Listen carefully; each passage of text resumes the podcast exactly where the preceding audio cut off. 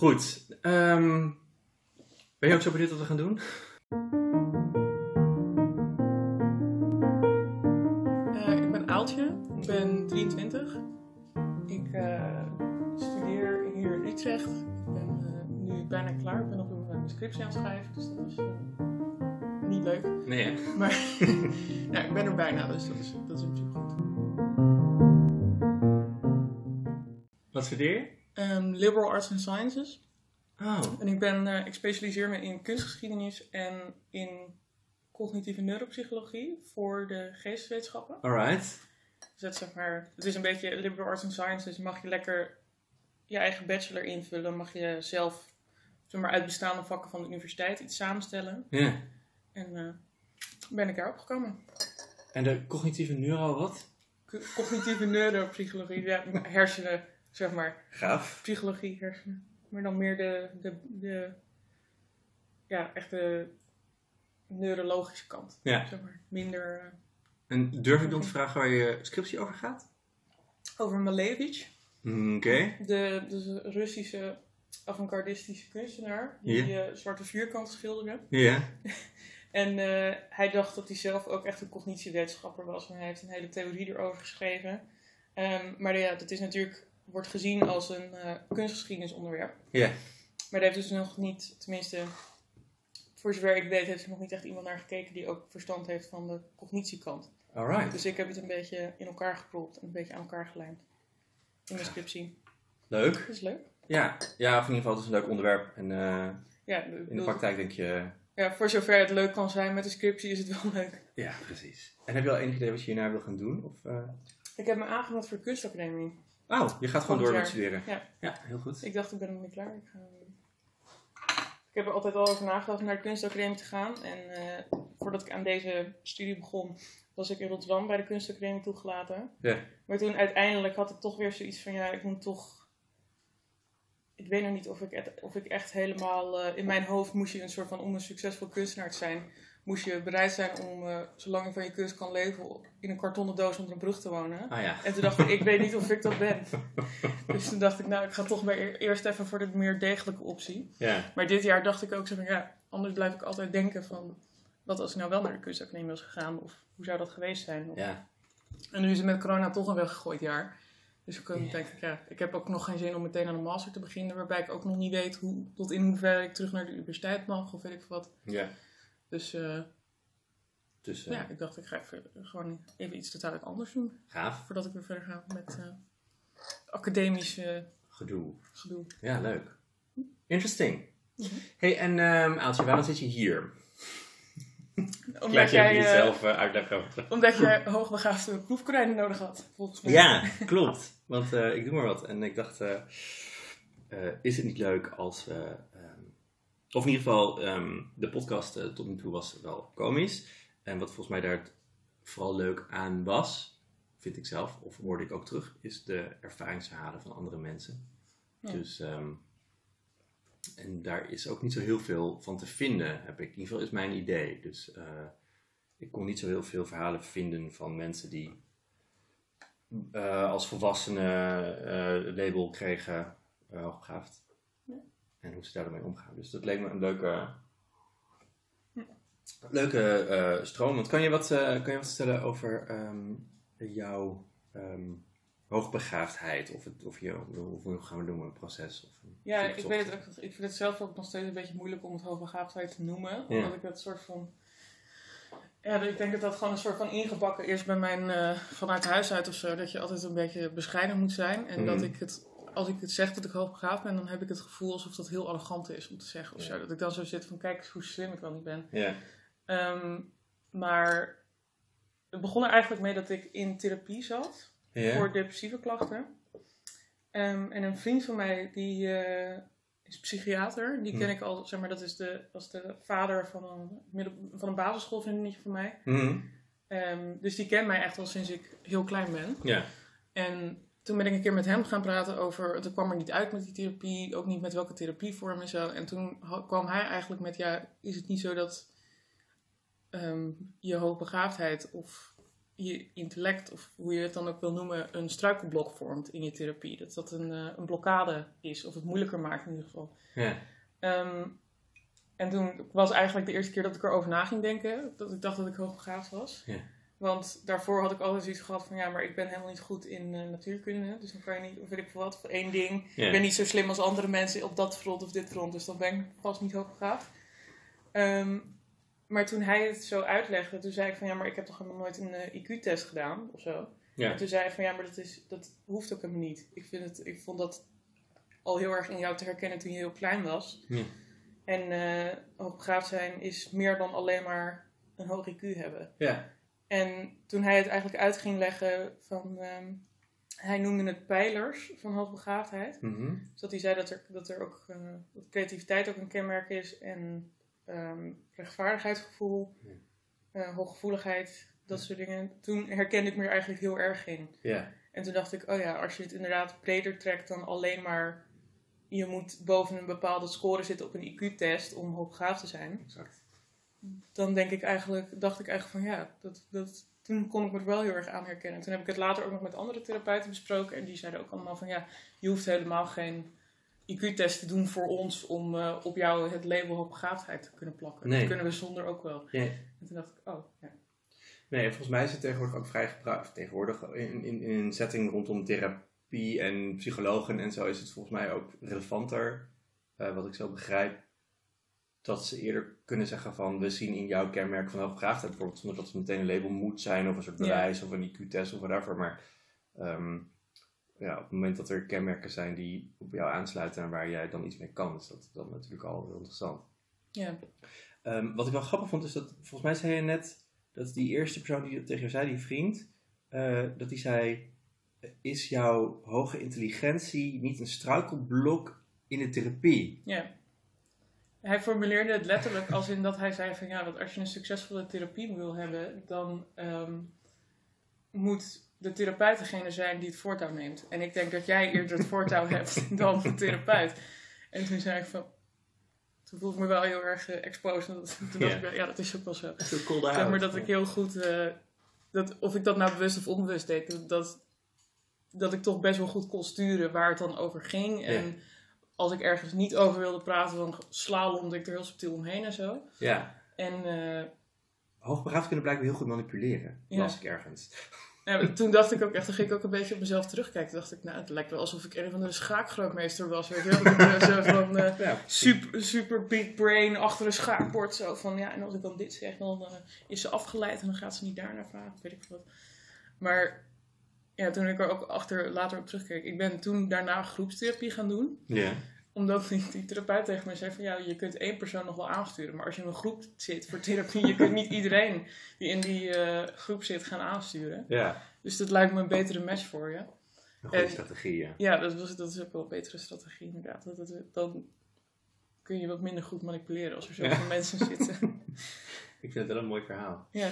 Maar dat klinkt ook een beetje alsof die persoon er toen voor het eerst heeft ingefietst. Of in ieder geval zo hoor ik dat nu. Zo van, ehm, ben jij niet te intelligent voor therapie? Dat, was dat ook het eerste moment dat iemand dan tegen jou zei van... van ja, maar je bent obviously ook begaafd. ja, eigenlijk wel. Want die fietst het dan er zo in. Ja. Hoe is dan jouw reactie op dat moment als jij hoort dat iemand zegt van... je bent niet te intelligent? Nou, toen dacht ik ook weer zoiets van, ja, maar ik ben helemaal niet goed in natuurkunde. Ja, weet zei je je, wel? Dat ja. ik meteen ga terugdenken van, ja, maar... ehm, ik, ik vind mezelf niet een, een, eh, een universeel genie of zo. En dat is toch een beetje het stereotype beeld wat ik bij hoogbegaafde mensen heb. Ja, Ehm, zeker omdat ik dus daarvoor er altijd alleen maar aan, bij hoogbegaafdheid alleen maar dacht aan hoge intelligentie en verder eigenlijk niks. exact, ja. Dacht ik ook van, eh, nou ik vind niet, er zijn, ik kan eh, zo mensen opnoemen die slimmer zijn dan ik, dus dat va- zal vast niet zo zijn of zo. Ja, ja. Ehm, maar toen ik toen later, ook dat hij dus dingen aanhaalde die ik als echt klein kind al deed, Mhm. toen dacht ik ook wel van, oh ja, weet je, dat heb ik toen natuurlijk niet bewust zelf meegemaakt. Nee. Maar als iemand het zo terug, terugkijkend tegen, tegen me opzonde, toen dacht ik wel van, oh, ja, het is ook wel een beetje... En ook, ehm, ik heb ook nu, nu eh, met mijn huidige vriend, dat we ook heel veel over dat soort dingen praten. En hij is veel beter in, ehm, ja, hoe zeg je dat? Gewoon recht voor zijn raap bijvoorbeeld zegt van ja, maar je bent toch heel duidelijk heel slim of zo. En ehm, met hem heb ik het dan ook wel eens over dat ik van, eh, als we het over op de basisschool hadden of zo. Toen, ze- dan zegt hij ook heel vaak tegen me van ja, maar dat is toch niet normaal? Dat is toch heel eh, uitzonderlijk? En dan denk ik, nou, misschien ook wel ja. Kan je een voorbeeld geven van dat soort dingen die, die, die jij dan eh, heel normaal vindt en waarvan hij dan zegt van... Ik heb mezelf eens leren lezen. Oh, oké. ja, Voordat dat ik, ja, echt zeg maar Ma- Mathilda-stel. ehm, het was met mijn moeder, dat ik, mijn moeder die las me dan altijd voor voordat ik, ging slapen. Ja. En dan lag ik bij haar hier. Ja. En toen kon ik het boek ook zien. Ja. En toen op een gegeven moment, dat was voordat ik op de basisschool zat, Ja. eh, verbeterde ik haar. Omdat Oh, ze iets verkeerd voorgelezen had. en toen was mijn moeder Wow. echt zo van, sinds wanneer kan jij lezen? Ja. En dan denk ik zo, ja, nee, ze klopt niet wat er staat. ja. Wat Ah, je dat- zegt, er staat iets anders. Dat is inderdaad komisch, hè? Ja. En toen dacht ik ook wel van, ja, ik ben ook enig kind. En ehm, altijd, ja, mijn ouders zijn uit elkaar. Dus ik heb ook min, ik heb niet zoveel vergelijkingsmateriaal gehad met andere kinderen, denk Ja. ik ook. Dus dat ik dan ook, voor mij was dat dan normaal. Want ja, dat is je, je, je referentiekader, Ja, je eigen beleving. Je neemt jezelf als norm, hè? Dan... Ja, je neemt Ja. inderdaad jezelf als norm. Dus ik, voor mij was dat dan heel normaal. En als ik dat nu dan tegen eh, mijn vriend zeg of zo, dan zegt ze van, nou, dat is net alsof jij Mathilda bent. Ja. Dan denk ik, oh, ja, dat is inderdaad eh, wel apart. Ja. ja, het is wat je net zei over het is, eh, dat je jezelf niet herkent in het klassieke beeld van hoogbegaafdheid. Dat wat Kenny ook zei eh, toen ik hier met hem zat te praten erover. Dat hij zei van ja, maar een hoogbegaafd is iemand die kanker geneest en raketten bouwt. Weet Ja. je wel? Een soort van een soort Einstein die een nieuwe Ja. natuurkunde ontwikkelt of zo. En- Ja, of een soort van, in mijn hoofd inderdaad iemand die en natuurkunde doet, en een dokter is, en concertpianist, en eh, alles tegelijkertijd. ja. Maar ja. Ja, En nu zit je dus, eh, nu heb je het, nou ja, het label of zo, zoals je meer opgegaafd. Eh hoe, hoe, eh, wanneer was dat ongeveer dat, je, dat, dat men daarmee kwam? Ehm, ja, een jaar vier geleden denk ik, En, zoiets. Heb je daar, ben je daar veel mee bezig geweest? Of ben je daar nu veel mee bezig? Of is dat... Ja, nu eigenlijk meer. Ook omdat ik het eerst dus het een soort van door zelf heel erg ook nog aan moest wennen. Ook om een, een beetje, vooral om dan terug te kijken naar, zoals bijvoorbeeld dat, dat leren lezen en zo. Dat ik dan daarop terug ga kijken en dan opeens een beetje de puzzelstukjes op, een- op een plaats vallen of zo. Ja. En dat ik dan denk van, oh ja, dat is ook wel, eh, ja, een beetje, een beetje terugkijken als het ware. Ehm, en ook gewoon mezelf steeds meer iets eroverheen zetten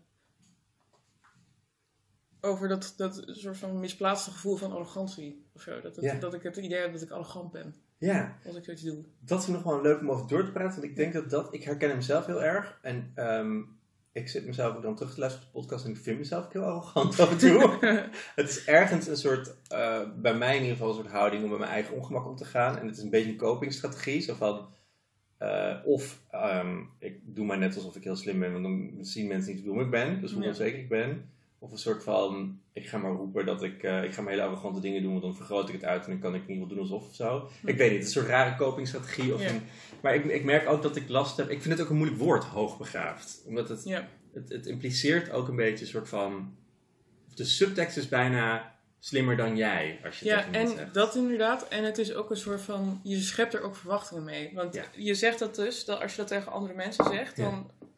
Merk ik dat ik soms ook wel nadenk van, ja, maar als ik dan een keer een fout maak of zo, dan denken mensen vast in één keer dat ik toch niet zo hoogbegaafd ben of zo. Dat het een soort van, als het ware, een lat is die je dan heel hoog voor jezelf ja en nu moet legt je. door dat label, omdat dat nou eenmaal is wat erbij hoort of zo. Ja, En eh, dan moet je dat daarna altijd maar vol gaan ja, houden. Precies. Nu mag je dus ook nooit meer fouten maken. Dus dat is. Ja, Ja, dat- dan mag je, als je nu een keer niet een eh, werkende raket bouwt, dan ben je, ja, ben je meteen je label kwijt of zo. Word je, wordt als je hoogbegaafdheidskaart meteen ingetrokken. als die neerstort, dan moet je je, moet je, je lidmaatschap inleveren. En dat Dan je niet Musk meer- niks anders doet dan de raket opblazen, volgens mij. Ja. Maar goed, eh, Dan mag je niet meer naar mensen. nee. Ja, dat staat goed bij de deur. Ja. Ja, en dat, ik vind het heel grappig, want ik, we zitten nu zo'n 10 minuten, oh nee, een kwartiertje te praten. En ehm, ehm, ik, weet, ik, weet, ik, ik, ik weet niet of je toevallig de aflevering over de embodio's geluisterd hebt, maakt het niet uit. Maar dat, ehm, dat zijn eh, eh, het boek van Tessa Kieboom, uh, meer intelligent, die heeft zo'n soort lijst met wat zij embodio's noemt. En dat zijn dan eh struikelblokken waar begaafden tegenaan lopen, die, Mhm. die, die, die, die, die, hen kan, die hen kan beletten om, eh, nou ja, goed, je te ontplooien als hoogbegaafd. En Mhm. een daarvan is inderdaad eh, jezelf als norm nemen. Wat je net zegt, van, ja, maar het is toch normaal, iedereen kan dat, weet je wel. En dat je helemaal niet bij stilstaat dat het raar is dat je zelf leert lezen. Maar ehm, eh, je zei het net ook nog zo eentje. Eh, oh ja, deze dus, geen fouten durven maken. De lat heel hoog leggen en denk van, als ik nu een fout maak, dan ben ik dus blijkbaar niet hoog begaafd. Dat soort Ja. dingen. Dus dat zijn, zijn veel voorkomende dingen die... Ja. Waarvan ik het heel grappig vind dat jij die dan nu zo noemt, ja. Ja.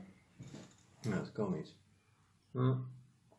Ehm, dus je bent nu na een jaar vier ehm, aan het eh, ontdekken van wat betekent het nou precies. Of in ieder geval, dat vul ik voor je in, maar Ja. ik neem aan dat dat het dan ongeveer is. Ja, ook een beetje het laten marineren in mijn hoofd of zo. Nou ja. Zeg maar, ik heb er nog niet... Het is niet dat ik er nou heel actief iets mee gedaan heb. Eigenlijk is het enige wat ik er echt actief mee gedaan heb... het tegen andere mensen zeggen. Wat voor mij ook al een heel groot ding was. Inderdaad, Ja. omdat ik dan... Wat ik net ook al zei, dat ik dan een soort van het idee heb dat ik daarna een lat heb die ik hoog moet houden. Of Ja. ook dat het, dat het een bepaald beeld bij anderen van mij verlegt of Ja. zo, misschien.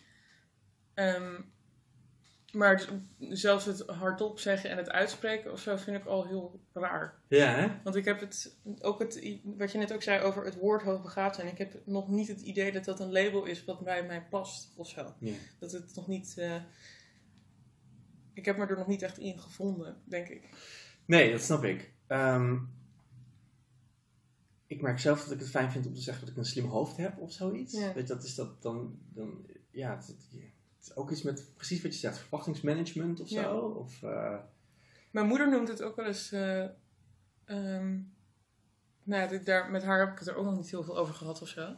Maar die noemde het laatst een zwaar hoofd hebben. hmm. Een hoofd wat veel kan, maar wat ook heel veel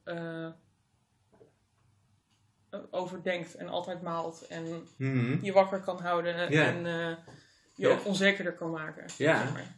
Dat is absoluut heel erg Ja. waar. Ik vind het zelf ook niet altijd leuk. En ik, eh, ehm, er is ook wel een theorie over positieve desintegratie. Nu komt er een onsamenhangend verhaal. Maar een of andere psycholoog, en ik moet het boek nog lezen, volgens mij is dat eh ehm, Leef met intensiteit. Heb ik nu ergens liggen. Ehm, er is een theorie dat eh, hoogbegaafde mensen gevoeliger zijn voor eh, dingen als depressies en dergelijke. En dat het waarschijnlijk ook iets te maken heeft met nou, gewoon misschien de ellende goed overzien of zo. Precies weten wat er allemaal rot is. Ehm, ehm, maar wat is die positieve desintegratie ook weer? Dat had er volgens mij mee te maken dat. Waar wil ik heen met mijn verhaal? Ken je dat als je dan, zo'n, dat je dan denkt, zie ik ben niet hoogbegaafd? Ja. nee, dat je. ehm, eh, eh, eh, die theorie had ermee te maken dat je af en toe, laat maar zeggen, af moet breken om jezelf erop te kunnen bouwen. En dat in Hmm. dat stuk komt, zit de groei. Ja. Dus dat je, dat, er zijn veel hoog- hoogbegaafde mensen die veel te maken hebben met depressieve klachten. Eh, ik heb het zelf ook gehad. Ik heb zelf ook eh, medicatie, therapie, al die shit. Ehm, eh, maar dat je vanuit die ellende jezelf ook weer op te bouwen en verder, verder doorgroeit. Dus de groeipotentie is ook hoger. Ja. Dus daar had het ergens iets mee te maken. Maar ik herken inderdaad ook dat het... ook- misschien is het ook de hoogsensitiviteit, waardoor als je rot voelt, dat je je meteen ook een soort van, ja. weet je wel, zwaar depressief voelt. Ja, en ik merk ook altijd bij mezelf dat als ik dan me überhaupt wat somberder voel, dat dat dan ook meteen, dat kan dan op één onderwerp zijn, Mhm. maar daardoor dat, dat verandert ook de gevoeligheid voor andere dingen. Dus als Mhm. ik dan op één punt somber ergens over ben, dan trekt dat gelijk over de hele linie. Ook andere onderwerpen die er misschien totaal niks mee te maken hebben. Oh ja. Dat ik daar dan ook veel gevoeliger word, in word voor negatieve prikkels. Alsof- Dus als ik eh, bijvoorbeeld over, op mijn, eh, over mijn studie onzeker ben of zo, en Mhm. iemand doet op sociaal vlak iets wat ik dan interpreteer als iets negatiefs, dan is dat meteen, komt veel harder binnen dan, eh, zeg maar, Een beetje alsof je een soort negatieve bril hebt opgezet. ja. Ja. En ehm, ik heb ook wel altijd wel dat ik überhaupt heel gevoelig ben voor dat soort sociale prikkels, maar dan merk ik echt dat ik er veel zwaarder aan til op het moment dat ik eigenlijk ergens anders mee zit. Ja. Dat is ook meer. En ik denk ook wel dat het eigenlijk wel logisch is als je dat hoogbegaafde mensen gevoeliger zijn voor depressieve klachten. Omdat je van jezelf ook gewoon veel meer een piekeraar bent. Want Ja. je hebt veel meer de neiging om overal over na te denken. Ja. En Je kan goed overzien dat het allemaal mis kan gaan. ja, precies. Ja. En dat kan ook dus heel makkelijk zich vertalen in negatief. Ja. In, eh, somberheid, dat die negativiteit zich overal over gaat uitstralen. Het is Ja. eigenlijk denk ik nog moeilijker om positief te blijven altijd. Ja, denk ik ook. Ook als je, het, veel mensen hebben ook een neiging, veel HB'ers hebben een neiging om de lat heel hoog te leggen bijvoorbeeld. En dan, dan zet je jezelf op voor failure ook. Als je Ja. altijd maar de lat hoog legt, dan wordt het heel moeilijk om iets goeds te gaan doen. Ja, Dus ja, als je alles wat jij aanpakt, eh, als je iets wil gaan proberen, bij voorbaat al denkt van nou dat is gedoemd te mislukken, want dit gaat mis en dat gaat mis en dat gaat mis en dat gaat mis. Ja, dan is het toch geen leuke hobby meer ook, weet je nee, wel. inderdaad. Dan krijg je met dat soort. eh, en ik, ik, heb, ik merk ook dat ik echt veel HB'ers heb gesproken al. Eh, niet allemaal voor deze podcast, maar gewoon in general. Die ook echt wel met dit soort eh, dingen Ja. moeten dealen of zo. Ja. Ja, en ik denk dat het perfectionisme daar ook heel erg bij houdt. Omdat je, als je altijd aan het analyseren bent, dan analyseer je natuurlijk ook je eigen werk heel erg. Ja. En dan pik je veel sneller de negatieve of minder goede dingen eruit dan Ja. andere mensen. Ja. Daar heb ik ook altijd heel erg last van. Dat ik het zelf dan veel slechter vind dan andere mensen, omdat ik heel erg op details ga focussen of zo. Ja. Ik kan op zich ook altijd nog wel de bigger picture zien of de grote lijn, maar dan ga ik de grote lijn nooit goed vinden, omdat er dan, één, eh, omdat er dan details zijn die niet kloppen. Als je blind staart op de kleine dingen Ja. die niet kloppen. Dus kan Ja. iemand zeggen, maar dit is goed en dit is goed en dat is goed. En dan zeg je, ja, maar hier zit een klein dingetje en dat Ja. is niet goed. Ja. En dan is dus alles kut. Ja. Ja, die ken ik ook wel, ja. Ja. Of in ieder geval, ik ben er nu eh, voor mezelf mee aan het leren dealen. Eh, dat ik nu eerder probeer aan te nemen van oh, dat iets goed is. En wat, wat mij trouwens wel helpt, is dat eh, je kan voor jezelf de lat heel hoog leggen. Maar ik heb de laatste tijd het inzicht gehad dat als je zo om je heen kijkt in de samenleving, ehm, iedereen doet maar wat. Weet je wel? Er is Ja. eigenlijk helemaal niemand die alles perfect kan. Ja. Niemand kan dat. Eh, dat is heel erg, als je, of heel eng als je denkt aan een hartchirurg of zo, maar dat is niemand die Ja. alles heel erg perfect kan. Ehm, en heel veel mensen doen ook maar wat. Dus daarom zouden wij ons laten weerhouden om iets te gaan doen op het moment dat we iets niet perfect kunnen. Ja. Da- daar zit nu zelf mee te worstelen. Ja, Ik denk van, oh, maar wacht even, iets hoeft niet per se perfect te zijn om iets te mogen of kunnen doen of Ja. zo. maar dat is dus eigenlijk ook hetzelfde als het gevoel hebben dat je niet mag zeggen dat je hoogbegaafd bent. Omdat je mensen kunt bedenken die slimmer zijn dan jij. Ja. dan heb je zoiets van, ik mag dat pas zeggen als ik weet dat ik perfect intelligent ben. Ja, en ik Wat nooit zo gaat zijn. Nee, Dat kan niet. Ja, ja. Wat, ehm, wie, zijn, wie zijn dan de mensen aan wie je nu vertelt dat je hoogbegaafd bent? Mm, mm, mijn vrienden vooral. Ja. En eh, ja, ehm, familie ook wel. Ja. Maar dat is nog, ja, ik weet niet, dan, dan, dan vertel ik het, soms als het, ook als het gewoon ergens ter sprake komt of zo, Ja. of op een natuurlijke manier, dan kan ik het ook wel aan random mensen vertellen. Maar dat moet ik dan ook wel heel bewust doen, zeg maar. Dat ik heel bewust als oefening bijna voor mezelf ga denken van, ik ga nu oefenen met het woord uitspreken over Ja. mezelf. Ik ga het nu oefenen met het zeggen. Ja, Ehm, maar ik ben ook bij, eh, bij mijn vrienden bijvoorbeeld ook nog niet echt verder gekomen dan gewoon zeggen van... eh, vaak maak ik er dan ook nog een keer een grap van. Ja. ja je zou het niet zeggen. Ja, of eh, weet ik veel wat, dat ik... Ik maak ook wel grappen over dat ik eh, labels spaar of zo. oh ja. Dat ik dan Ja. zeg van, oh ja, dit is er ook een van. Dit is een label. Ja, dit is er ook een. Maar verder, hoe dat dan zich eh, vertaalt of zo, of wat dan ook, dat, dat, nog- dat niet echt. Ik heb Ja. het wel met mijn vriend besproken of zo, maar dat staat ook allemaal nog een beetje in de kinderschoenen. En hoe voel je je als je in zo'n gesprek tegenover iemand zit van... eh, ik ga nu vertellen dat ik hoogbegaafd ben? Een beetje opgelaten ook. en Ja, ook wel ook ergens dat ik dan een soort van automatisch het idee krijg dat ik me dan een beetje Moet verontschuldigen? Ja, moet Ja. verontschuldigen. En ook dat ik me een beetje moet schamen omdat ik echt heel arrogant aan het zijn ben. Dat, eh, Ja. ja. dat ik dan toch het idee heb van dat, het, dat ik dan aan het opscheppen ben. Ja. Of zo. Ja. Terwijl dat helemaal niet zo is. Ja. En volgens mij interpreteren andere mensen dat ook niet zo. Nee. Nee. Eh, mm, dat hoop ik. Ja, Ik herken dit omdat ik... ehm, nou ja, ik heb ergens in een podcastaflevering verteld dat ik in mijn werk eh, tegen dingen aanloop die te maken hebben met hoogbegaafd zijn. Denk ik. Ehm, daarom ben ik het hele trek begonnen. Mhm. Dus er komt nu ook een moment, of eigenlijk is het een moment al geweest, dat ik me heb voorgenomen om het mijn baas te gaan vertellen. Mhm. Ehm, vanuit een soort idee dat dat context kan geven aan de struggles waar ik op mijn werk in zit. En dat mijn baas dan ook kan denken van, oh, ik kan het nu plaatsen in zo'n soort perspectief. We kunnen eens gaan kijken naar wat vorm, eh, hoe kunnen we dit vorm gaan geven, weet Ja. je wel? Eh, want eh, misschien mag je het ook wel zien als een, bepaald, op, een bepaalde manier. Zou je het misschien zelfs kunnen zien als een soort arbeidshandicap als, als je er niet goed mee omgaat. Weet je wel? Ja. Dus het is best wel, vind ik, zinvol om een baas in te lichten. Ik ben het al drie maanden voor uit aan het schuiven. Elke keer zeg ik van oké, nu ga ik, het, ga ik het vertellen. En dan, ja, dan komt er toch zo van ja, nee, ik heb toch niet het goede moment gevonden. Of Ja. eh, en ik kan dat niet eh, over de telefoon doen. Moet natuurlijk wel, eh, dus ik blijf maar zo voor me uitschuiven. Want ik ben gewoon, ik ben ergens ook bang dat het voelt als een soort van, ehm, een soort van ja, oké, er zijn wat struggles, maar ja, ik ben hoogbegaafd, dus opgelost. Ja. wel? Ik wil niet zo overkomen, maar ik ben bang dat, dat dat dan gedacht wordt. Eh, of inderdaad, dat, dat mijn baas dan straks denkt van ja, jezus, dat is ook altijd wat of zo, weet je wel. Dus, en dat is natuurlijk raar. Ja, dat is ook wel waar. Want het is eigenlijk, waar het eigenlijk in de kern op neerkomt, is dat het gewoon een bepaald patroon in je gedrag Mhm. beschrijft. Ja, Wat tenmin- misschien als voor jouw werkgever ook heel erg zou kunnen helpen om inderdaad te plaatsen waarom je op bepaalde dingen op een bepaalde manier reageert. Of om dingen omgaat of zo. ja, Maar ja, omdat dan. eh, dat, dat ligt dus meer bij jou dan bij je werkgever. Ja. ja, absoluut. Ja. ja. dat ligt heel voor mij. Dus ja, dat zijn, dat zijn echt van die, ja, van die, zachtjes doen. Dat zijn echt van die dingen van, eh, ja, het, het is gewoon best, ik merk het ook, ik vind het spannend om te vertellen. Ik was met Gerben bij een vriendin van hem eten laatst. En eh Gerben is allemaal heel blij met mijn hoofd. Want Mhm. die, eh, blijkbaar ben ik aardiger geworden. en prettiger in omgang. Eh, dus hij, hij vindt er nog wel wat. En hij heeft dan ook de neiging om te vertellen. Zo van, ja nou, Sven eh, is dus blijkbaar opgegraafd. En hij is een podcast begonnen. Ja, ik krimp dan toch een beetje. Eh, hij gooit het lekker op tafel. Ja, ja, dat mag ook gewoon, weet je. Want ik zit ook wel te denken van, nou, misschien is het ook wel gewoon iets om beltrot op te zijn. Maar het, is ook wel gewoon, het maakt je ook wel uniek of zo. Dus het kan ook best leuk. En dat voelt dan meteen wel begonnen om dat te Ja, zeggen. inderdaad.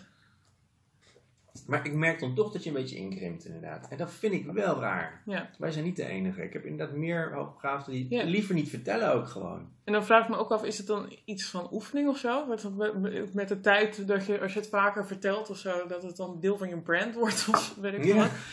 Maar ja, dat, dat, ik weet het niet. Ik weet ook niet waar het dan vandaan komt. Want ik kan me dan bijvoorbeeld ook, als ik het om zou draaien en eh, denk aan andere mensen die zeggen dat ze hoogbegaafd zijn, dan denk ik ook niet, oh, wat een arrogant kwal. Nee. Of weet ik wat.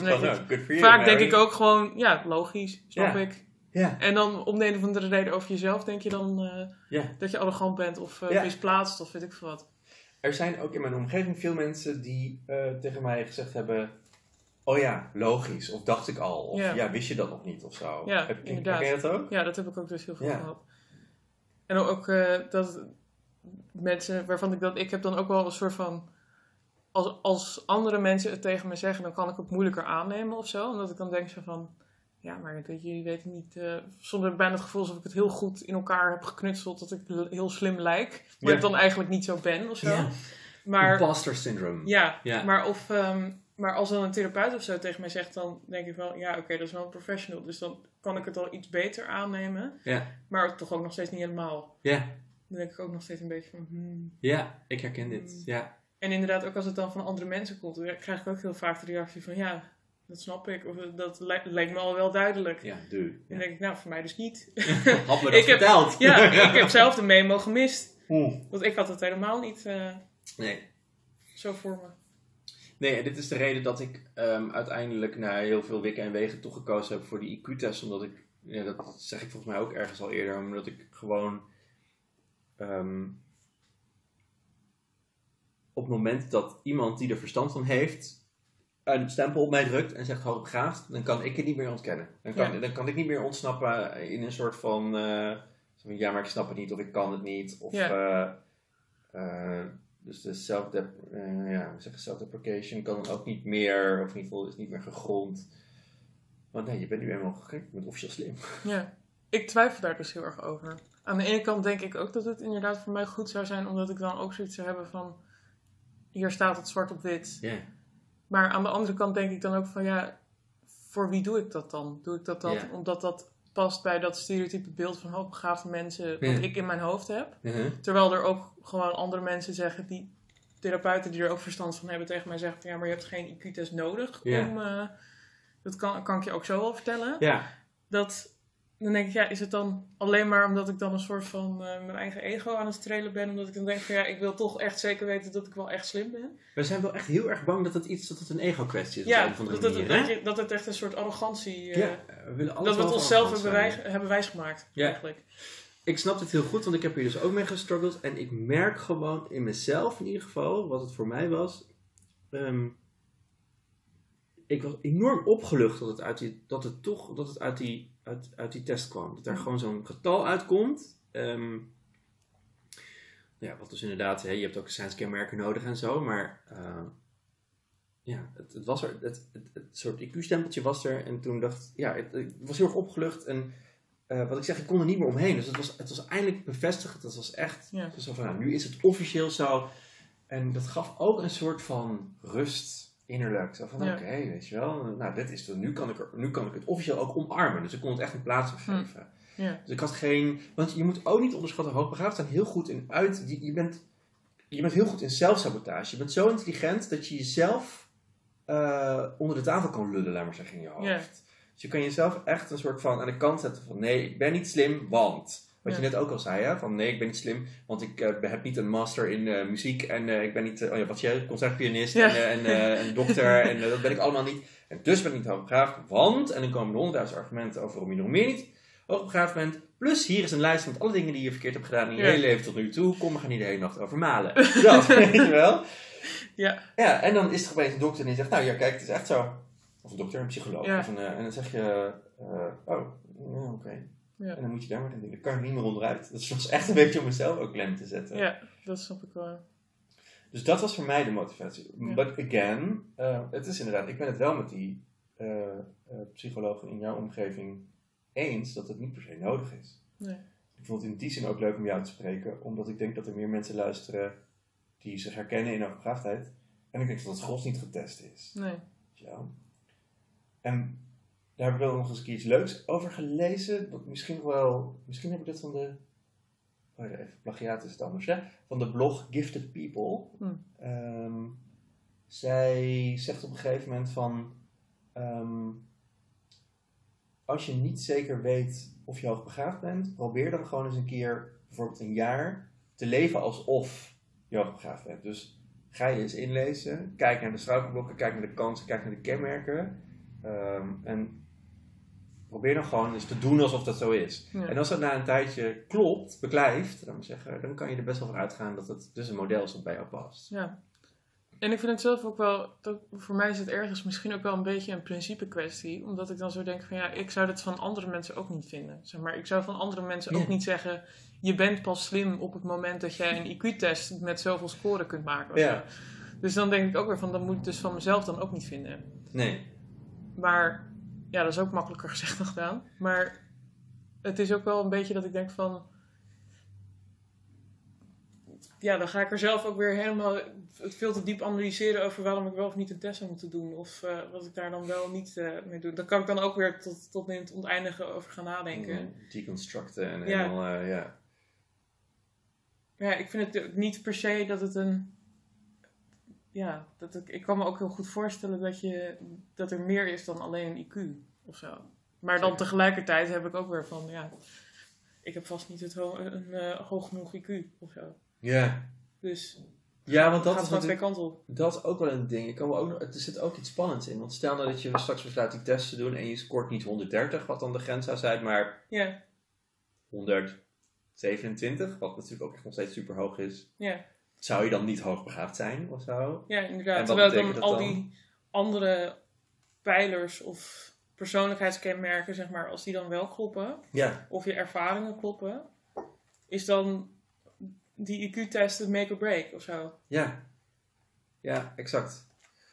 Ehm, want misschien is het grappig om daar nog eens over door te gaan. Want jij herkende je, jij kwam eigenlijk tot de conclusie, omdat iemand anders tegen je zei, je bent super slim. En ik zie in jou de, het zijnsluik heel sterk. Mhm. En toen noemde je creativiteit. Ik denk dat we die al gecoverd hebben met je, eh, met je nieuwe eh, studieplannen Ja. en überhaupt ehm, de studie nu ook wel misschien. Mhm. Ehm, rechtvaardigheid noemde je. En die vond ik leuk om nog even te benoemen, of om even stil te staan, omdat ik die zelf heel erg ken. Eh, dat heel ongemakkelijk probeerde te verwoorden met Gerben in de eerste podcast. Maar hoe herken jij bij jezelf dat rechtvaardigheidsstuk? Hoe uitzicht dat?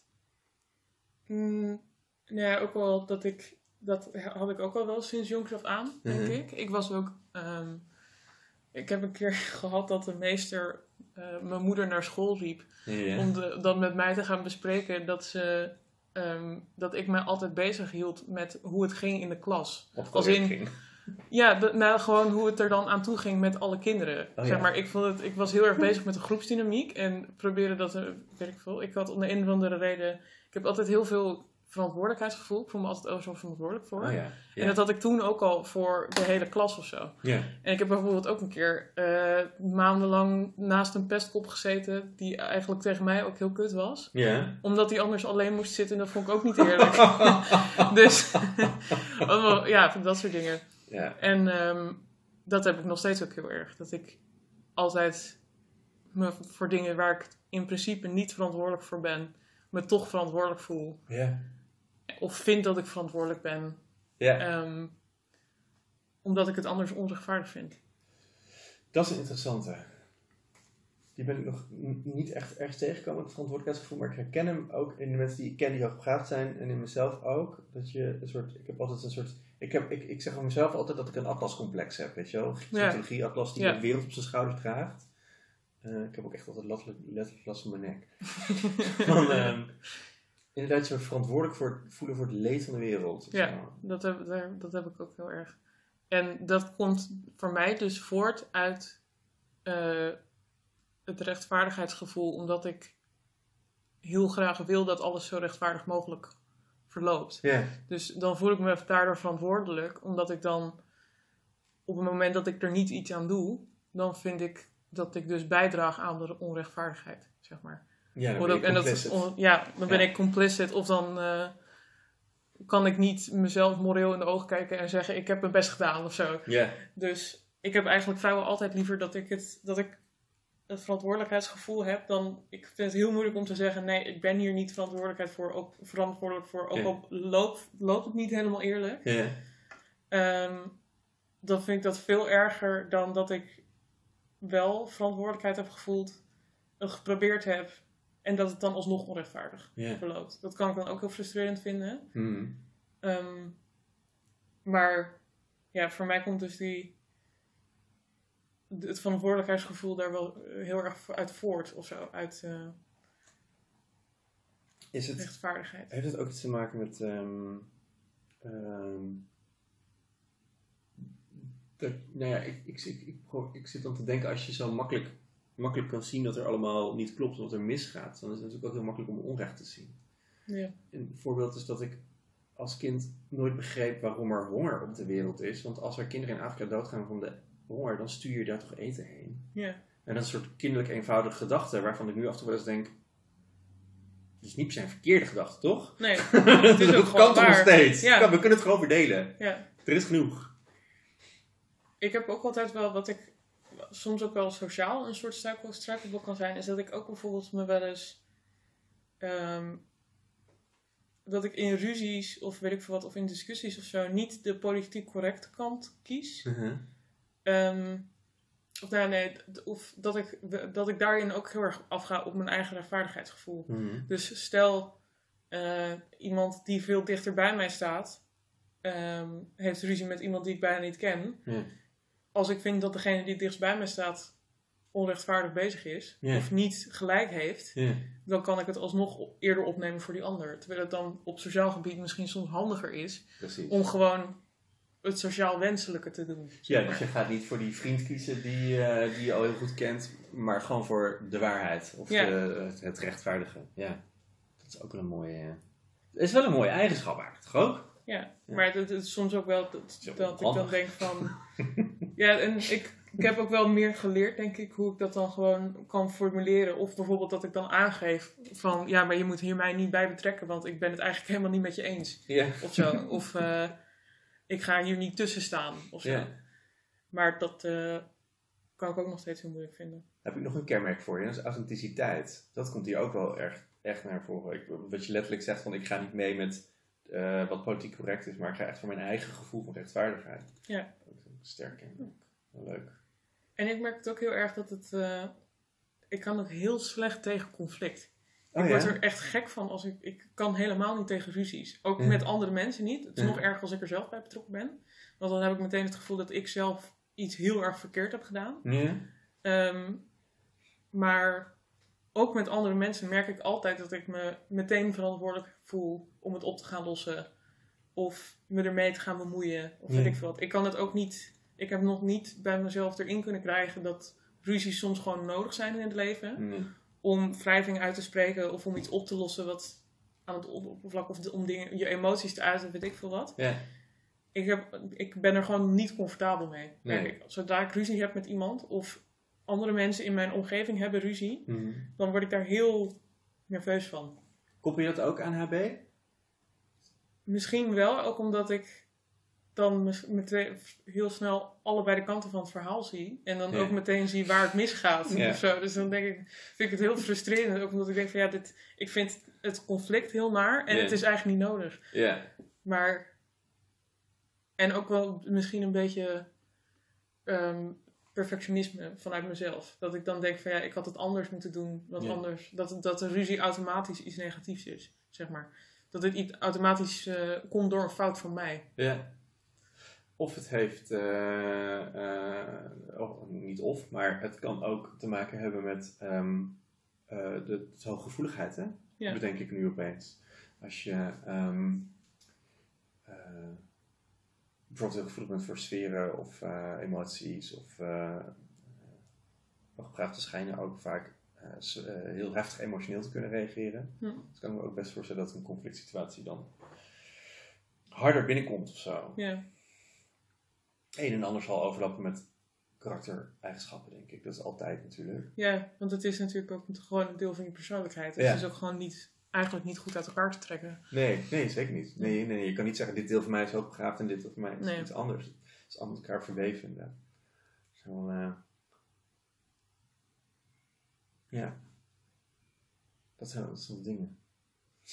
Hey, en als je nu dan zo ehm, mm, ehm, voor jezelf aan het uitzoeken bent, hè? Zo die vier jaar geleden kwam zo ongeveer het, mo- het besefmoment. Je zit vier jaar, nu is dat nog zo'n beetje aan het marineren. Heb jij een soort idee of beeld van wat je, eh, wat je ermee wil? eh, op het moment dat het uitgemarineerd is, weet je wel? Is dit iets waarvan je denkt van... Oké, dit is misschien een kracht, ik ga dit gebruiken. Of ehm, goed van, van mezelf te weten, ik doe het in een doos en kijk er nooit meer naar. Of, Hm. Heb je daar ideeën over, wat je met die kennis wilt doen of zo? Of zou Ik denk- kunnen doen? eerder dat het me dat ik het ehm, kan gebruiken om het om gedrag bij mezelf of emotie bij mezelf te verklaren, denk Ja. ik. Eh, eigenlijk vooral gewoon om wat meer begrip te krijgen. Ja, En dat, Ja. en dat ik dan ook, want als op een moment dat ik eh, dat je iets op kunt zoeken of zo, Mhm. of, of een boek erover kunt lezen, en het ergens onder kunt plaatsen, dan is het ook voor jezelf makkelijker om mee om te gaan. Dus als ik me dan ergens heel gefrustreerd over voel of iets moeilijk vind of zo, het, het is voor mij ook wel makkelijker om bijvoorbeeld tegen mezelf te denken van ja, ik ben gewoon van mezelf ontzettend perfectionistisch en ik leg de lat heel hoog. ja. Dan kan je er ook mee dealen. Ja, dat, dat in ieder geval meer dan als je dat niet weet, Ja. denk ik. Ja, Dus voor mij is het meer een soort van een deel van de puzzel Ja. van mezelf leren kennen. ja precies. zo. En eh, ja, als het helemaal posit- om het helemaal rooskleurig eh, te maken, ehm, Doe eens, ga eens, Ja. ga eens los. dan zou ik het ook wel heel fijn vinden als het me ook zou helpen om eh, minder te worstelen of zo. Minder, of het nou met mijn somberheid is of met bijvoorbeeld met onzekerheden of met mijn eigen competenties of zo. Dat, ik, dat het helpt om wat meer zelfvertrouwen te krijgen. Om te denken van ja, dit is nou eenmaal hoe ik werk. Ja, En meer in te zetten dan er tegenaan te lopen, eigenlijk. ja. Dat denk ik. Ja, dus dat je van, van je, ehm, van je struikelblokken een kracht maken of zo. Ja, Dat zou toch tof zijn als dat kan. ja. als je meer begrijpt hoe je, hoe je zelf werkt, dan kun je dat ook op een andere manier invullen of op Mm. een andere manier inzetten, denk ik. Ja. Hoop ik. Ja, ja dat, is, dat is inderdaad zo'n proces waar ik zelf nu in zit. Ja. Dat is interessant. Ik denk ook niet dat dat ooit op, op, af is. Ik Nee. denk dat je dat, dat je hele leven lang blijft doen. Ik denk dat je dan niet moet willen dat het af is. Nee. Maar het kan soms wel overwhelming zijn. Ja. Goed, we hebben het net ook nog even gehad over... ehm, dat het net de hele tijd terugging alweer over dat het soms spannend kan zijn om mensen te vertellen dat je hoogbegaafd bent. Eh, terwijl ehm, eh, je ehm, zelf denkt van ja, maakt uit, mensen gaan, echt, gaan mij echt niet arrogant vinden. Maar nou schijnt het wel zo te zijn dat, waar ga ik heen? Dat ehm, vooral mensen die hoog, hoog intelligent of hoog opgeleid zijn, dus vanaf academisch niveau ongeveer, dat die zich aangevallen kunnen voelen door mensen die zeggen dat ze hoogbegaafd zijn. Ja. Heb je dat wel eens gemerkt? Nee. Wat ik wel eens gemerkt heb, is dat mensen dan ook zo zeggen, iets zoiets hebben van, eh, ik ook. Ja, Zo. nou ja, dat bedoel ja, ik eigenlijk. ja, dat ze dus gaan zitten van, ja, ik ben toch ook, ik ben ook slim. eh, ja, ja. Ja, dit bedoel ik ook- eigenlijk. En ja. volgens mij komt dat voort uit een soort eh, zich bedreigd voelen of zoiets. Of een Ja. soort van, ja, maar ik ben toch ook heel slim en dat zijn ze ook. Dus dat is het punt niet, weet je wel. Want, ja, intellectueel hoef je je verder ook niet met die mensen te meten, want dat zal ongeveer same zijn. Maar het gaat dan juist om die science-kenmerken, denk Ja. ik ook wel. Maar ik merk wel dat sinds ik met deze podcast bezig ben en ook in mijn omgeving vertel ik hoogbegaafd, opeens is iedereen hoogbegaafd. Ja, ja dat, eh, dat heb ik dan ook een beetje. Of dat mensen dan gaan zitten van, oh, misschien ik ook wel. Misschien Ja. de. De, de, weet ik veel wat. Ik, ja, maar dat is ook... eh, Of, ehm, ja, ik kom ook uit een familie waarbij de, de zeg maar, heel Calvinistisch, de bescheidenheid heel hoog in het vaandel staat. Ja, Weet je? Dat ze dan ook... ehm, en dan merk ik ook wel eens dat bijvoorbeeld mijn moeder of zo, die, die doet dat niet, dat doet ze niet bewust. Dat is gewoon omdat dat ook haar opvoeding is. Ja. Maar dat ze dan ook gaat zeggen van ja, maar je was. eh, dat ik dan eh, iets zeg over ik was heel snel. Dat ik, dat ik ook kon lezen in. Ik was in groep 3 binnen een paar maanden klaar met al die avi's. Ja. Of zo, als ik dat zeg, dan zegt ze ja, maar je was niet goed in rekenen. Oh, Weet je wel? Dat ze dan zoiets heeft van ja, get off your high horse. Ehm, het is heel Nederlands ook, hè? Heel Nederlands, Ja. dat, is gewoon, dat is gewoon cultureel bepaald. Ja. Maar dat is net ook wat het dus in mij ook moeilijk maakt om het van mezelf zo te zien. Want ik heb dan het idee, daardoor denk ik, dat ik arrogant aan het doen ben. Ja. En ook dat eh, het stereotype dus is dat je de, het, het computergenie met raketten en het kanker genezen moet zijn. Ja. Dus op het moment dat, eh, dat je tegen iemand anders zegt, ik ben hoogbegaafd, dan denken die van, nou, wel. ik zie jou geen raketten bouwen en geen kanker genezen. Nee. En eh, ik doe dat ook niet, dus dan zijn we vast hetzelfde. Ja. Dat het een beetje. Maar dat, dan ligt de nadruk dus wederom weer heel erg alleen maar op het IQ. Ja. En niet op de rest van het verhaal. Op Nee, de rest van het plaatje. En dat ook hoge Q en eh, niet alleen maar betekent dat je super beta bent natuurlijk. Ja. Want misschien zijn het je interesses gewoon niet. Ja. Of is het je kracht niet. Misschien ben jij wel echt super goed straks een, een soort hele intelligente kunstenaar of whatever. Weet je wel? Ja.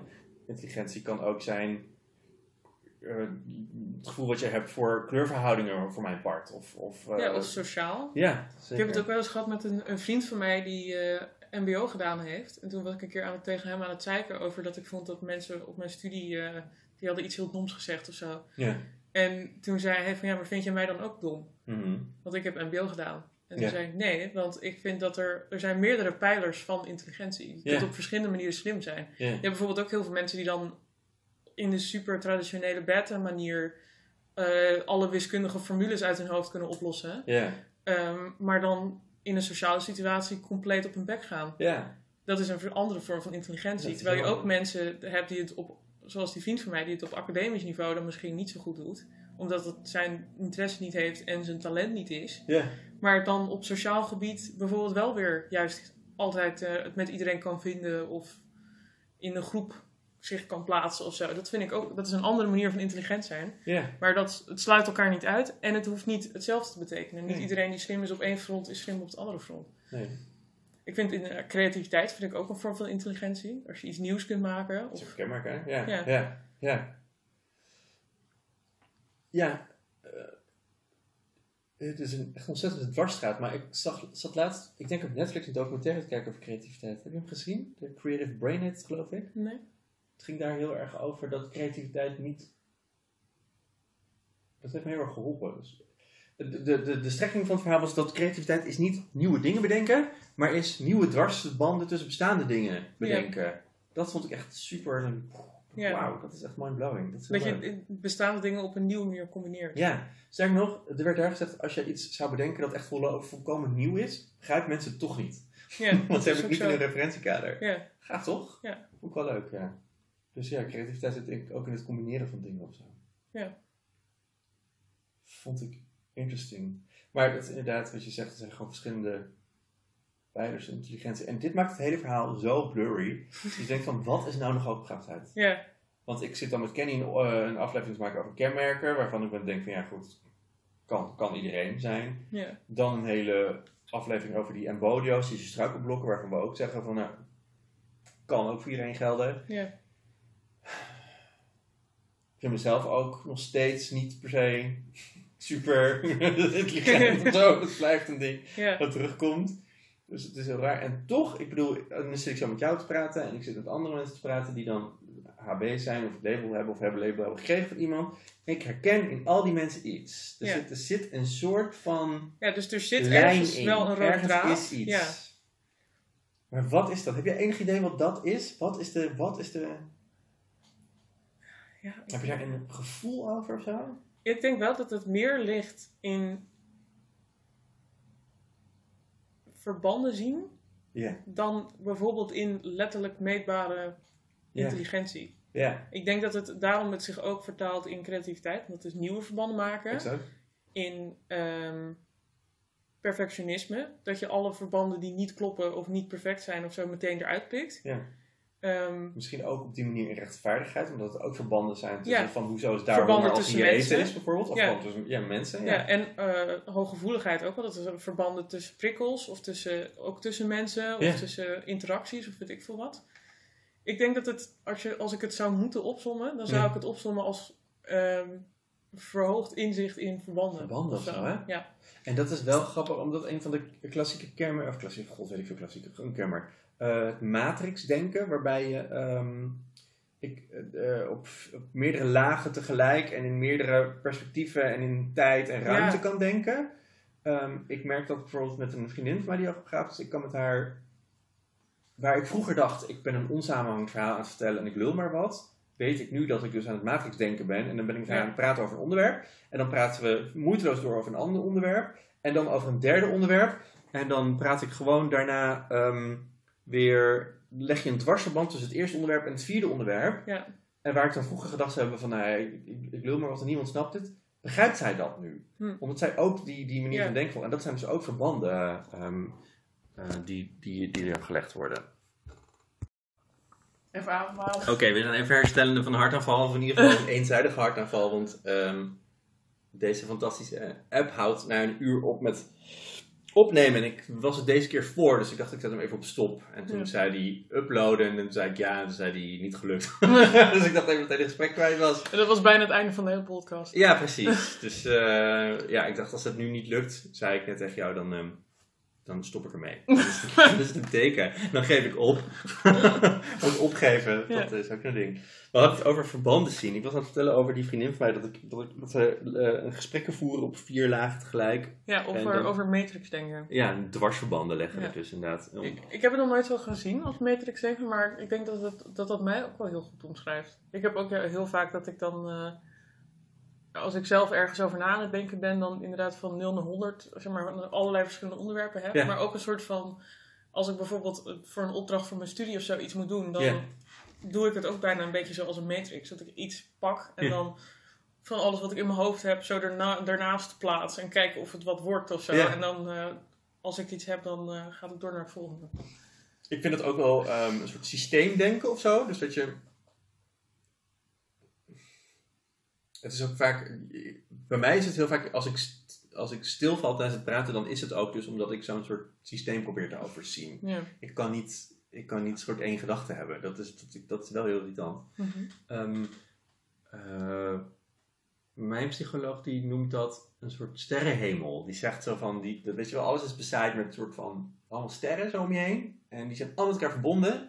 En als je hier ergens aan trekt, aan één zo'n ster, dan beweegt de rest allemaal mee. Laat maar zeggen. Ja. Zo het, in plaats van dat het een soort lineaire Hm. denkmethode is of zo. Ja. Je hebt ook verschil in eh, divergent en convergent denken. Hè? Dus, dat- waar in het, op school wordt vooral aangeleerd om convergent te denken. Dus een soort van, oké, hier is alle informatie, dan moet je gaan versmallen en uiteindelijk kom je tot één oplossing. Ja. Dat wordt ons aangeleerd, terwijl eh, ons brein waarschijnlijk meer de neiging heeft om divergent te denken. Namelijk een soort van, hier is het startpunt en ik heb allemaal associaties en daar associeer ik ook weer op en daar ook. En oeh, dan komt allemaal leuke brei uit. Ja. En dan ga je er verbanden tussen leggen. Ja. Dus dat is, dat is een, een leuke, ja.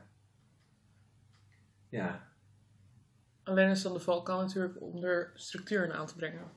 Om het uiteindelijk weer zo in, in te pakken of zo eruit te liften dat je het of aan iemand anders kunt communiceren. Ja. Of er iets mee kan.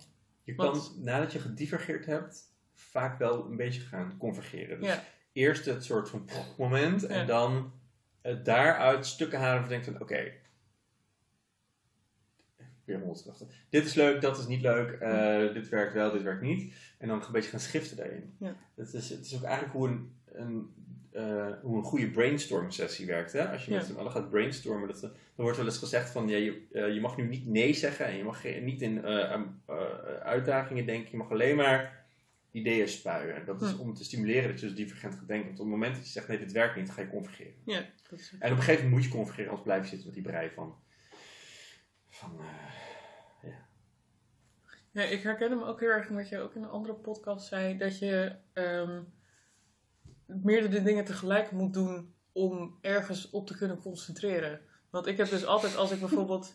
Ik moet, of als ik, één, als ik alleen naar een college moet luisteren, of alleen tv kijken, dan kan mijn aandacht er absoluut niet bij houden. Omdat ik dan met mijn hoofd op honderd andere plekken zit. Of, of eh, overal naartoe ga en eh, over honderd dingen, andere associaties gaan denken. Dus bijvoorbeeld voor mijn studie, wat ik altijd doe, is eh, ik heb altijd een schetsboek bij me. Zodat ik als ik tijdens naar, dat ik naar college zit te luisteren, kan tekenen. Omdat ik dan, als ik me iets met mijn hand doe, dan kan ik veel beter opletten. Als ik dat niet heb, dan word ik gek. Dan ga ik echt overal naartoe. Of eh, dan kan ik niet, krijg ik niet mee wat er gezegd wordt. Dit is letterlijk eh, waarom fidget toys eh, een goed idee kunnen zijn. Ja. Fidget, toch gewoon iets, iets met je vingers ja. doen. En ik, ik heb ook wel, ik ben een, omdat ik, omdat ik heel erg aan het zoeken ben geweest naar het verschil tussen ADHD en ehm, eh, HB. En of er overlap tussen, want er zit heel veel overlap tussen. Ehm, zo kwam ik ook op mijn eigen zoektocht, hè? want ik kwam vanuit diagnose ADHD richting IQ-testen en blauw. Wacht hoor, het is toch iets anders. Of het is Mhm. ook, ook dat, want het kan ook nog, komt ook vaak Ja. samen voor. Ehm, en ik zat dat YouTube-channel te kijken, eh, How to ADHD, wat echt nog steeds een leuk, leuk kanaal, goede tip. En zij maken allemaal filmpjes over kenmerken van ADHD en eh, eh, eh, dit soort dingen, eh, tips en, eh, en tricks. En zij ging daar vertellen over. Nou, dit is echt een heel lang verhaal om te vertellen dat fidget toys een goed idee zijn. Want dat zegt zij dan. Ja. Dus, ja. en ik heb dus een soort van met, door te tekenen of zo. En ik heb ook altijd dat ik mijn aantekeningen of eh, dingen super mooi maak. Als in Ja. visueel gewoon Ja. echt. Ben je ook aan het bullet journalen? Ja, bijvoorbeeld. precies. ik, Ja, ik, ik- hou ik altijd een, ja, Ja. een bullet journal bij. Waar ik Ja. dan eh, heel veel hele ingewikkelde tekeningen maak. Gewoon omdat het me echt helpt om Ja. Te concentreren. Of als ik aan het studeren ben, zet ik altijd de muziek heel hard. Wat Ja. heel veel mensen heel vervelend vinden. Ja. Maar ik, zoals ik, als het doodstil is ergens, dan kan ik me niet concentreren. Ik, voor mezelf is dat, noem ik dat een beetje een soort van, ehm, ik moet eigenlijk mijn brein afleiden eh, of zoiets, voordat ik dat deel wat overblijft, kan Ja. richten op iets. Zoiets. Ja, ik heb het altijd een beetje het gevoel alsof het een soort, net zoals met een harde schijf op een computer, dat je Mhm. een soort werkgeheugen hebt wat je aan bepaalde dingen kunt Ja, besteden. precies. En als ik niet al het werkgeheugen ergens aan besteed heb, Ja, gaat het zelf een iets doel doen. heb gegeven, gaat het zelf iets doen. Ja. En dan eh, heb je er geen controle meer Ja. over en dat gaat het ten koste van het, wat je verder aan het doen bent. Ik vind het heel herkenbaar. En daarom, dat, maar dit maakt dus voor mij persoonlijk ook, en ik ben benieuwd of jij dat herkent, dat je dan dus gaat twijfelen. Omdat je denkt, ja, maar ik kan me niet eens op één ding concentreren. Ik zit in een college te doen en ik, hoe dan? Weet je wel? Ja. Waarom kan ik niet gewoon luisteren naar? Ik haak dus af. Ja.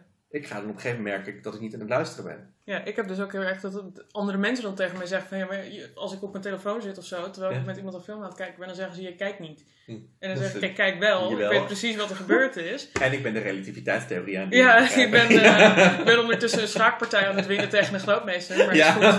maar het maakt niet uit, joh. maar maakt niet uit. Maar jij vindt dat ik niet oplet. dat, Ja. daar, dat is ook wel een van de, van de eerste dingen die ik merkte. Dat ik dacht van dit, hierin ben ik echt anders dan andere mensen. Want heel veel andere mensen raken soms zelfs afgeleid doordat ze zien wat ik aan het doen ben. Oh ja, ja, ja. ja. Om me goed te kunnen concentreren. Ja, Als ik dan zit te tekenen, dan heb ik bijvoorbeeld dat mensen naast mij naar, gaan kijken naar wat ik zit te tekenen. En Ja. dan zeggen ze, ik, kan niet, ik weet niet wat er gezegd is. ja. Omdat ik eh, afgeleid was of zo. Terwijl ik dus, als ik dat niet doe, afgeleid raak.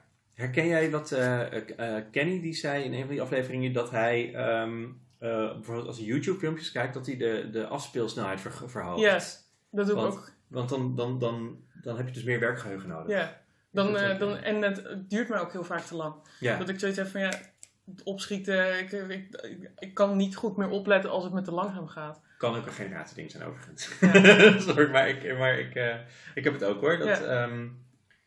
ja, ja, informatiefilmpjes moeten gewoon... eh, Ik ook- haat ook informatiefilmpjes, want ik lees veel sneller dan ik een filmpje kan kijken. Ik heb liever Ja. gewoon een, een heel groot webpagina met allemaal tekst. Want dan kan ik heel snel op zoek, ga, ga ik scannen naar, oké, skip, skip, skip, skip, skip, skip, skip. En dat kan ik met Ja. een filmpje niet, want ik word dan gedwongen om dat lineair te benaderen. Ja, en het is tekst kan ik inderdaad- aan alle kanten benaderen. Ja, en het is inderdaad ook een heel lineaire vorm van informatie geven. Dus Ja, dat je ook zo... Opgebouwd zo. Ja, het is heel erg, netjes, heel erg netjes opgebouwd. En soms denk ik ook heel, heel snel van... Oké, ik snap dit al. Gaan we door naar het volgende onderwerp. Ja, Maar ja, dat kun je niet... eh, ja, je kunt het doorspoelen. Dat doe ik ook vaak. Ja. Maar dat heeft ook niet zoveel zin. Of ik ga ondertussen iets anders doen. Ja, ik kijk precies. ook heel veel informatieve YouTube filmpjes terwijl ik eigenlijk aan het schilderen ben. Of eh, bijvoorbeeld als ik een documentaire kijk of zo, dan ben ik ondertussen een spel op een Nintendo Switch aan het doen. Oh ja, ja, ja, dat soort dingen. Ja. Ja, ik herken dit.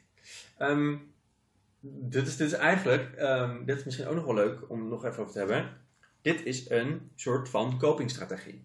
Gaan we zeggen van, ik moet informatie tot mij nemen, maar ehm, eh, dat gaat niet. Dus ik heb mezelf aangeleerd om ook iets te gaan tekenen of zo, Ja. zodat ik me ook nog kan concentreren op wat er gebeurt.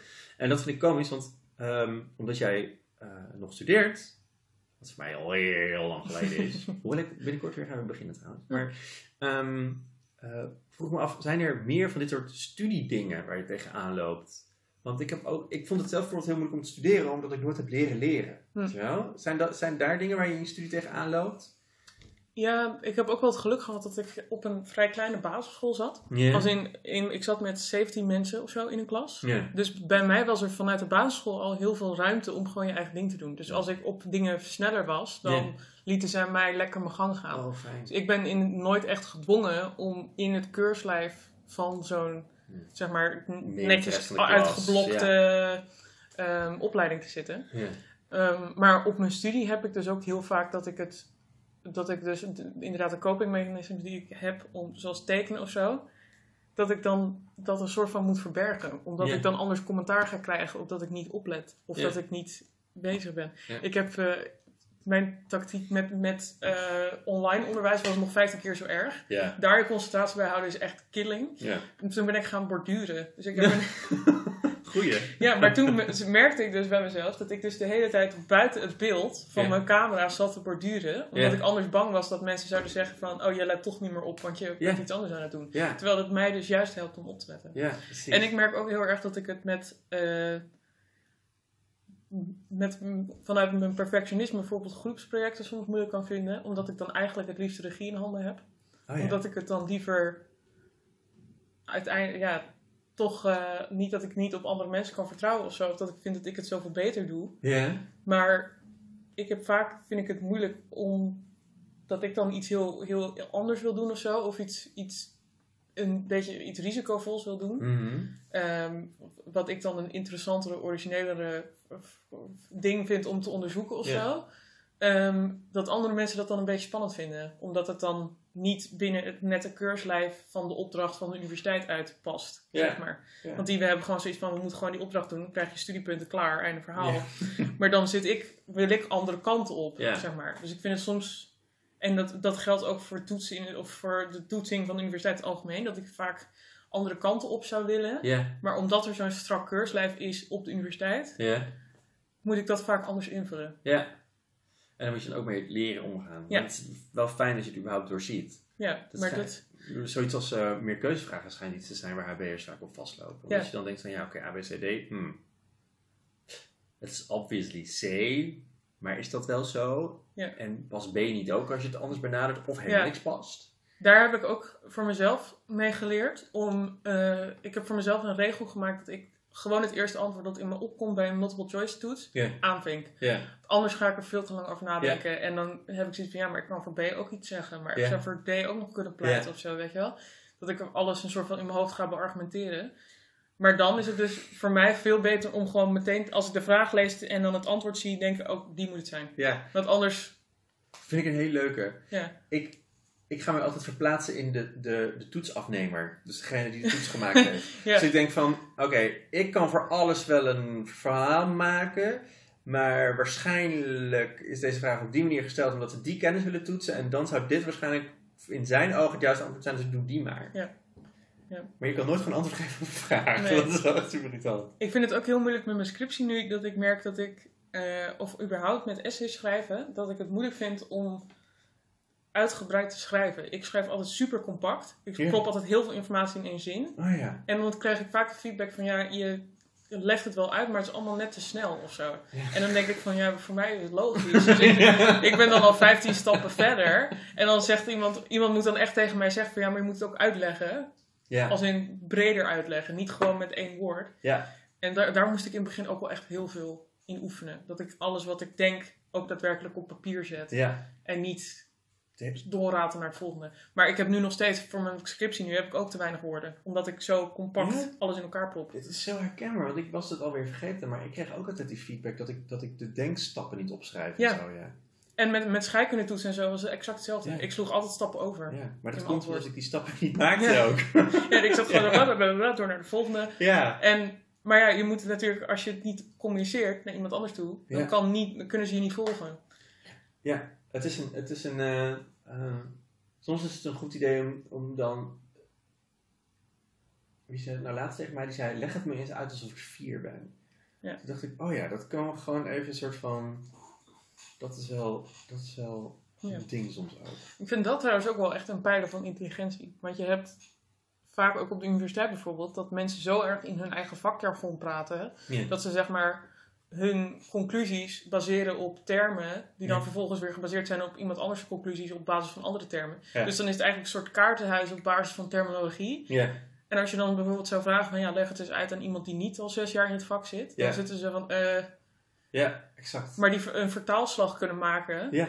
dat betekent dat ja, je het echt in je hoofd naar, hebt. naar, ja. naar, naar, naar het begrip van de ander eigenlijk. Ja. Dat het, als je het kunt uitleggen, dan betekent het dat je het echt beheerst. De communicatievaardigheden. Ja. Een soort van hoe, hoe draag je kennis over, maar dan, maar dan in, de, in de essentie. Ja. Zo van de, de essentie van het woord.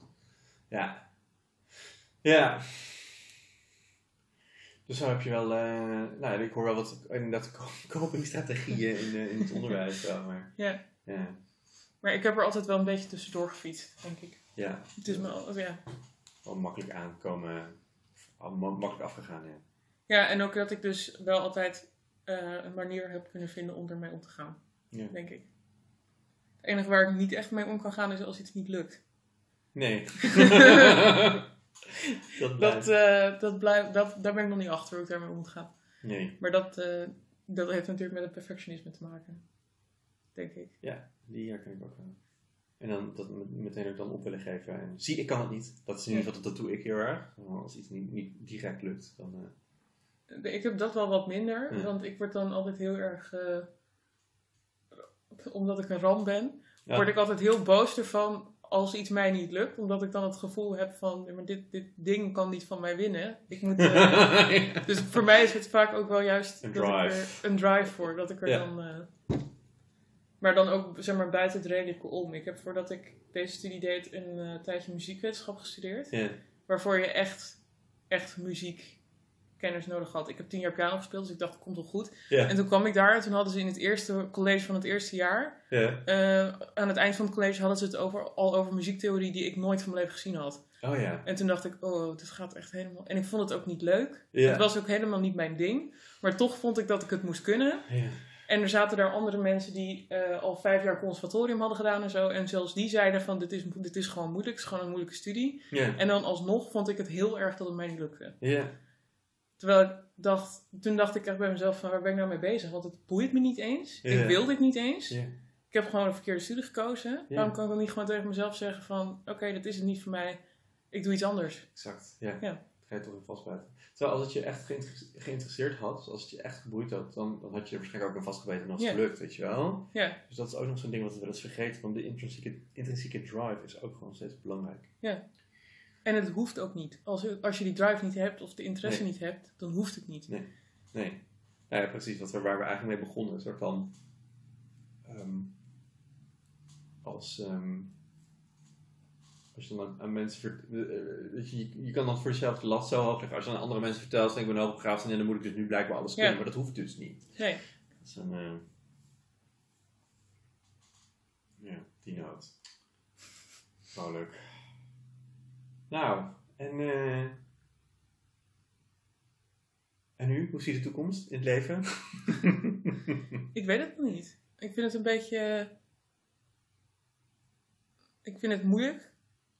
Altijd. Om, eh, ik ben überhaupt ook, denk ik, door, eh, doordat ik kan zien wat er allemaal mis zou kunnen gaan, ben ik altijd best wel pessimistisch. ja.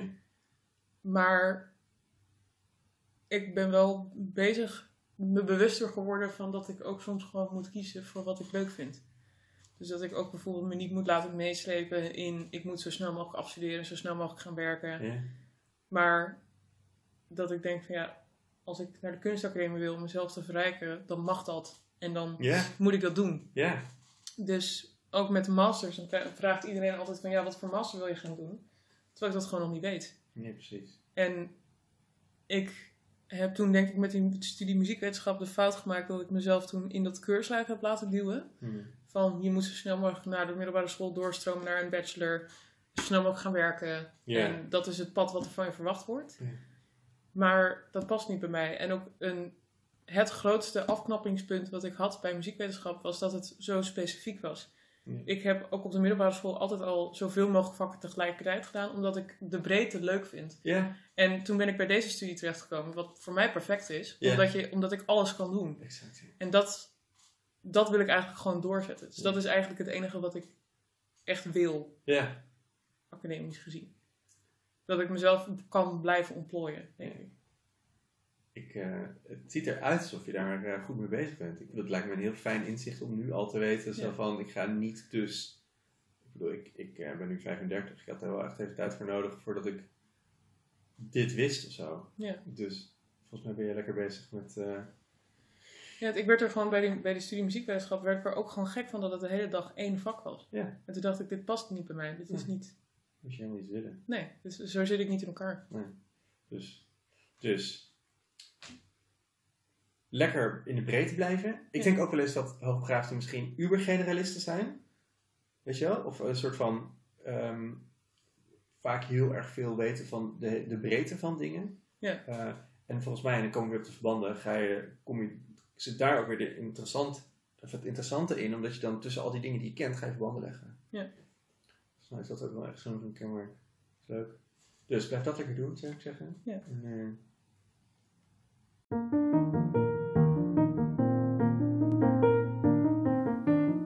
ja, ik vond het een heel leuk gesprek zo. Ik ook. Fijn! Ja, het zou echt wel fijn. zijn als je zegt van, joh, dat is echt super kut. Ja, ik heb me zo verveeld. Ja, ja het ging niet snel genoeg. ik heb de hele tijd zitten borduren. Ik heb de hele tijd zitten zoeken naar de twee keer zo snel vooruit. Ja, precies. Is het al voorbij? Ja. Heel leuk. Hey, Eltje, superleuk. Dankjewel.